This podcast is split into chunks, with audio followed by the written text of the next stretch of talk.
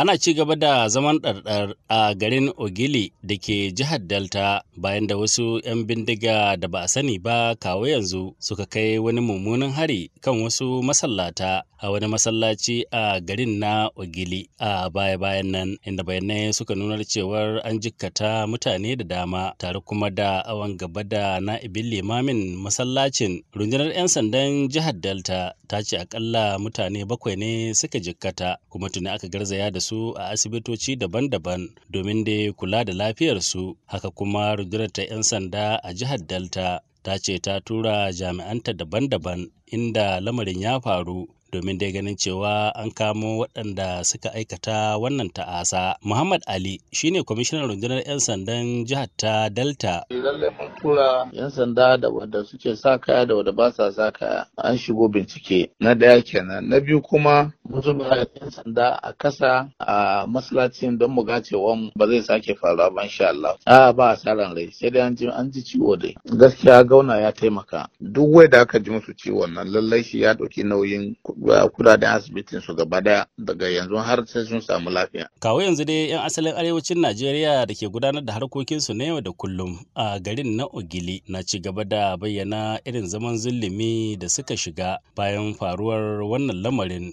kuma ga abin da suke cewa. Sunana Alhaji Badamasi Sale shugaban 'yan arewa mazauna jihar Edo, mutanenmu 'yan arewa mazauna jihar Delta wata karamar hukuma da ake ce mata Urgele. Suna nan sun gama sallar asuba ana na ane musu nasiya sai wa'ansu mutane da ba a san ko su waye ba. Suna shigowa sai suka je sai suka kama wuyan taguwar liman cewar ya zo ya zo a tafi ya zo a kawai sai suka buɗe musu wuta. A nan take suka samu suka harbi mutanenmu yanzu haka muna da mutane goma sha ɗaya a asibiti. Sunana Ɗanliti Ahmed Gama sakatare na Arewa Community Ugeli North Local Government Delta State. Magana ta gaskiya mutanen da suka kawo harin 'yan ƙasa ne mutanen wannan yankin. Dan ba Hausawa ba ne kuma ba Fulani ba ne. Mutane suna cikin hali na zulumi saboda wannan abu ne waɗanda wanda ba a san menene wannan dalili ba kuma ba mu saba ganin irin wannan ba. Masu sharhi akan harkokin yau da kullum a Najeriya sun fara tsokaci dangane da matsalar taɓarɓarewar tsaro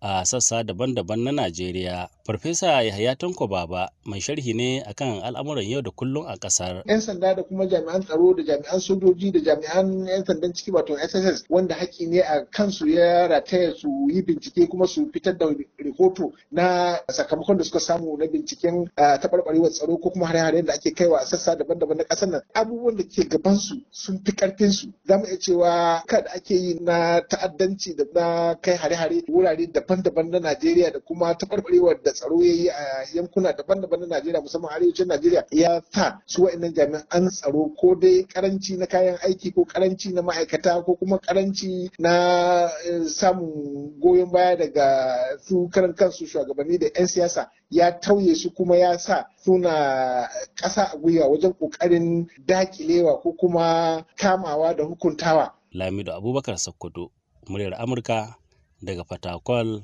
Najeriya.